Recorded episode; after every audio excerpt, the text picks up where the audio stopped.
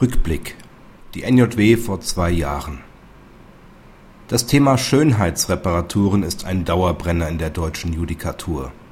Die Rechtsprechung der letzten Jahre hat gezeigt, dass sich ein Vermieter, der vom Gesetzestext abweichende AGB-Klauseln verwendet, keinen Gefallen tut.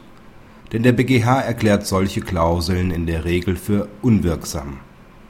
So war es auch im Urteil vom 18.06.2008 in dem eine Farbwahlklausel in einem Wohnraummietvertrag neutrale, deckende, helle Farben und Tapeten als unangemessene Benachteiligung des Mieters angesehen wurde. Dass der Mieter sogar Aufwendungsersatz beanspruchen kann, wenn er im Vertrauen auf seine vermeintliche vertragliche Verpflichtung die Reparaturen vorgenommen hat, hat das LG Karlsruhe Urteil abgedruckt in NJW Hefte 27 vom 3.7.2006 Seite 1983 entschieden. Ein Grund mehr, lieber auf das Gesetz zu vertrauen